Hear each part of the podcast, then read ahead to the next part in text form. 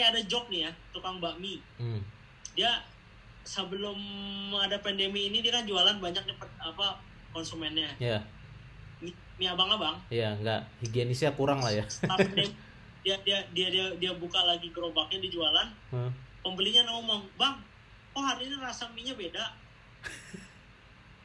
emang abang ganti resep? Enggak resepnya masih sama. Hmm. dagingnya kali bang. Abang beli di mana daging? Dagingnya sama belinya tempat yang sama. Hmm. oh mungkin minyak kali bang. Lu beli apa belinya hari ini jelek. Enggak kok minyak bagus. Hmm. kok tapi rasanya beda ya bang ya? Hmm. nggak kayak biasanya.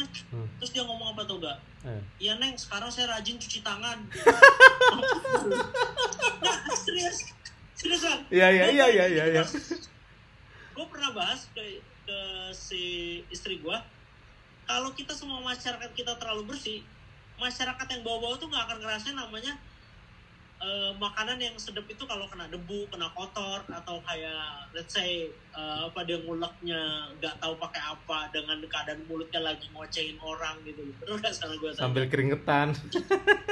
dulu kita sampai rela ngantri ngantri makanan kaki lima yang kita ngomong jorok lah atau apa Iya. tapi kok nikmatnya luar biasa gitu Iya. nah, itu yang bakal bakal banyak berubah sih menurut gue sih Ya ya ya ya ya. Ya jadi orang jadi lebih higienis.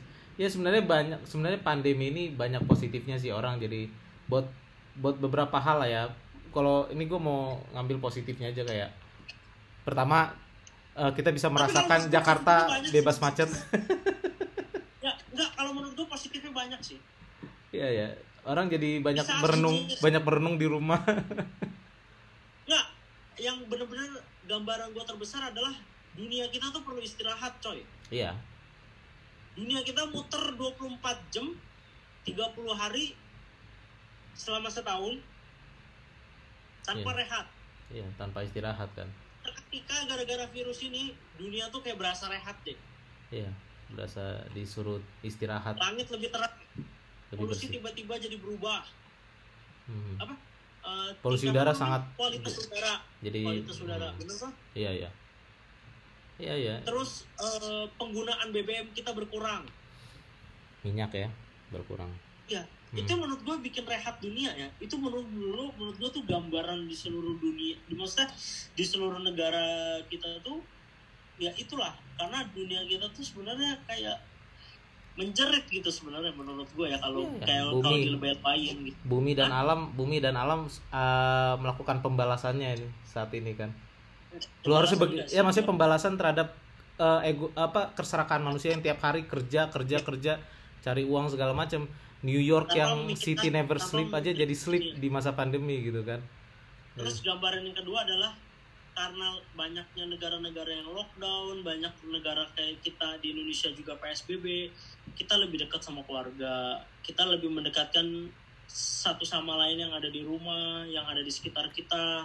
Ya, Kayak misalkan yang tadinya nggak kenal tetangga jadi gara-gara PSBB sama tetangga jadinya tuker-tuker makanan atau saling nyapa lebih banyak lagi.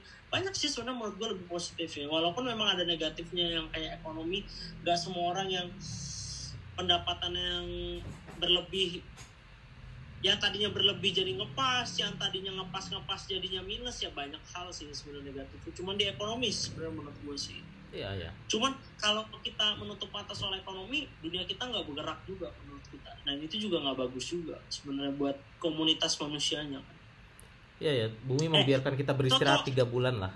salah satu artikel yang tadi gue baca itu agak unik menurut gue peneliti di Jerman atau di mana gue baca tadi rupanya populasi serangga kita di dunia ini menurun sampai 30% Populasi serangga menurun 30%. Kenapa tuh?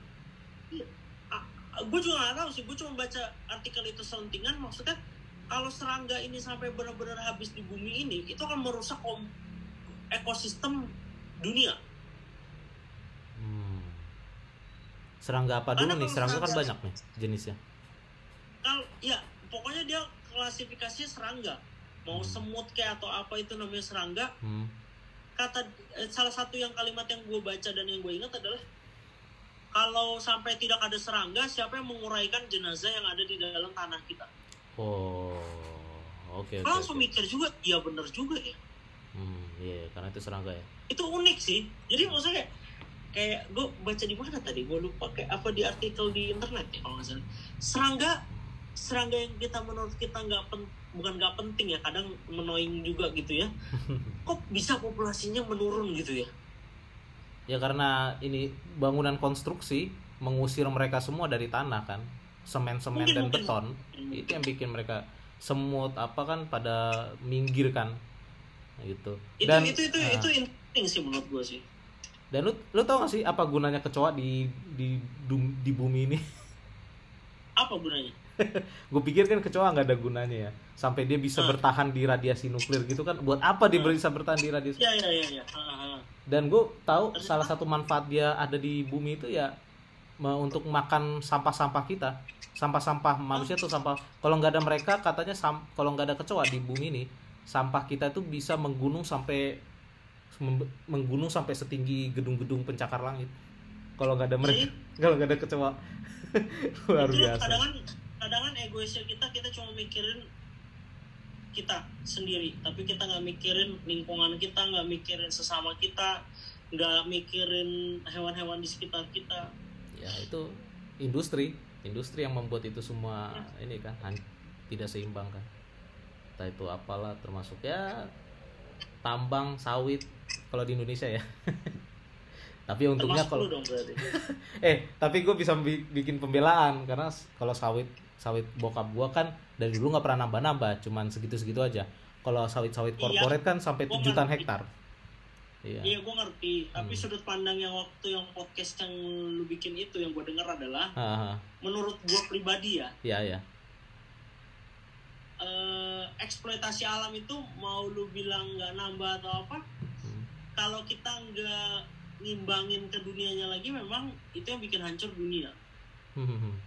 Iya, lu lu Nah, lu boleh ngambil keuntungan tapi ya se- gimana caranya lu bisa menyimbangkan lingkungan alam ini kan gitu. dan nggak semua orang ya oke lah kita ngomong dikit yang berpikiran kayak gitu Hmm, iya. lebih banyak lah orang yang berpikiran kayak ah sabun yang penting gue dapet keuntungan udah selesai Hmm. Ya kenapa kenapa? Karena kalau mau naikin profit dari tahun ke tahun ya lu harus yang tadinya 100 hektar lu bikin jadi 1000, yang tadinya 1000 jadi 10.000, yang 10.000 jadi sejuta. balik lagi Karena kan mau naikin gua. profit kan. Tujuannya ambisinya balik lagi buat ke kalimat gua Hmm. egois Iya, egois. orang lain Ya. Jadi, Ya. jadi semua permasalahan yang ada tuh sebenarnya egois serakahan mau manusia. dari covid-19 mau dari korupsi mau dari sawit yang lu bilang eksploitasi alam yang ber, ber- apa namanya berlebihan Hmm. egois kok larinya Iya, iya. Maaf ya kalau di agama gua itu kita sebutnya keserakahan manusia Keserakahan manusia. Iya tadi gue sebut itu kan keserakahan manusia. Agama lu Buddhis ya, Nah, budaya. COVID-19 ini sebenarnya tuh merelaksasikan kita untuk mikir kalau kita tuh jangan mikirin diri sendiri karena di samping kita masih banyak yang harus kita pikirin Hmm. orang yang berlebih pikirin yang nggak ada yang nggak ada yang dipikirin apa mikirin kesehatannya itu sih sebenarnya sih Betul betul. Oke dari. makanya kan lagi di Hmm. di masa covid-19 ini banyak yang apa berdonasi untuk sesama kan istilahnya itu bagus sih menurut gue positif juga jadi Ya bagus. Yang penting tepat sasaran dan ya saling saling mengingat apalah saling membantu lah. saking kayak banyaknya lu nih kayak tipikal orang lu yang nganggep buat tepat sasaran itu tuh banyak orang yang bagi-bagi di jalanan Hmm. saking parnonya itu karena diserbu sama ojol tuh Diserbu sama ojol. Jadi dia bagi di dalam mobil Hah? gue lupa deh bagi makanan atau sembako gitu Hmm. tadinya ngantri gara-gara saking yang banyaknya terlalu berjubel dikerubunin itu mobil sampai rebutan Wah. itu polemik lagi itu Eh, ya ya ya ya ya ya ya ya. Apakah Ya, mereka emang butuh atau serakah kita nggak tahu kan. ya kalau gue sih bilangnya bukan serakah lebih memang kebutuhan sih ya. lagi masa susah ini ada yang bagiin makanan ada yang bagiin sembako ya Ya ya kita pasti banyak lah yang mau gitu loh Iya. bukannya bukannya munafik gitu sekarang tuh zaman sekarang tuh kita nggak cuman nggak cuman modal baik dan tulus hati doang Ri. harus jadi pinter Ri. pinter harus cerdas maksudnya lu mbak lu gimana caranya lu membantu orang tapi lu nggak mencelakakan diri lu sendiri itu kan mencelakakan diri sendiri kan jadi lu harus pinter gitu ini kalau gua bagiin ke sini nanti efeknya gimana ya gitu kan Eh, apakah yang dapat orang la orang yang benar-benar butuh atau orang yang orang yang bisa cepat ngerebut makanan dari kalau- gua gitu. Kalau kalau kita kebanyakan mikir malah kadang kita jadi takut untuk melakukan hal yang baik. Iya sih, cuma maksudnya Suatu hal yang baik itu harus dilakukan secara spontanitas menurut gua. Kalau terlalu banyak mikir, ujung-ujungnya kita pusing sendiri gila. Seriusan. ya, cuma kan itu kan bisa mencelakakan diri sendiri kalau dia Yes. kalau dia membiarkan orang berebutan kan di situ kan. Kalau Ya, mobil ya, model kayak mobil ya. Kecuali Jokowi, kalau Jo- Jokowi kan dikelilingin pas pampres. Kalau ada yang Nah, kalau liar kan tinggal diituin lah. Kalau orang biasa kan nggak punya pas pampres. ya itulah jadi jadi agak serem-serem juga kemarin itu. Ah, iya ya. Ja- Ya ada udah banyak sistem kita bisa.com segala macam juga bisa kan. Yang sistem-sistemnya akuntabel dan transparan ya. Yang bisa kita percaya untuk membawa kita atau yang Aku paling gampang bikin kok. yang itu apa Aku bikin apa namanya? ya? Aplikasi ya? Berbahas. Hah? Aplikasi ya, aplikasi dia bikin aplikasi. Aplikasi berbagi ya kalau nggak salah. Atau apa ya gitu? Gue lupa deh. Jangkau. Dia bikin. Jangkau kayaknya namanya. Kalau itu emang jangkau ya, jangkau. Kalau itu emang dia udah bikin jauh sebelum itu sih, jauh sebelum ada ini. Iya memang dia sudah Tapi udah lama. masih development waktu itu pas yang gua terakhir ngikutin masih development tahun lalu lah 2019 Kalau nggak salah sebelum dia masuk ke Mako Pertamina. Hah?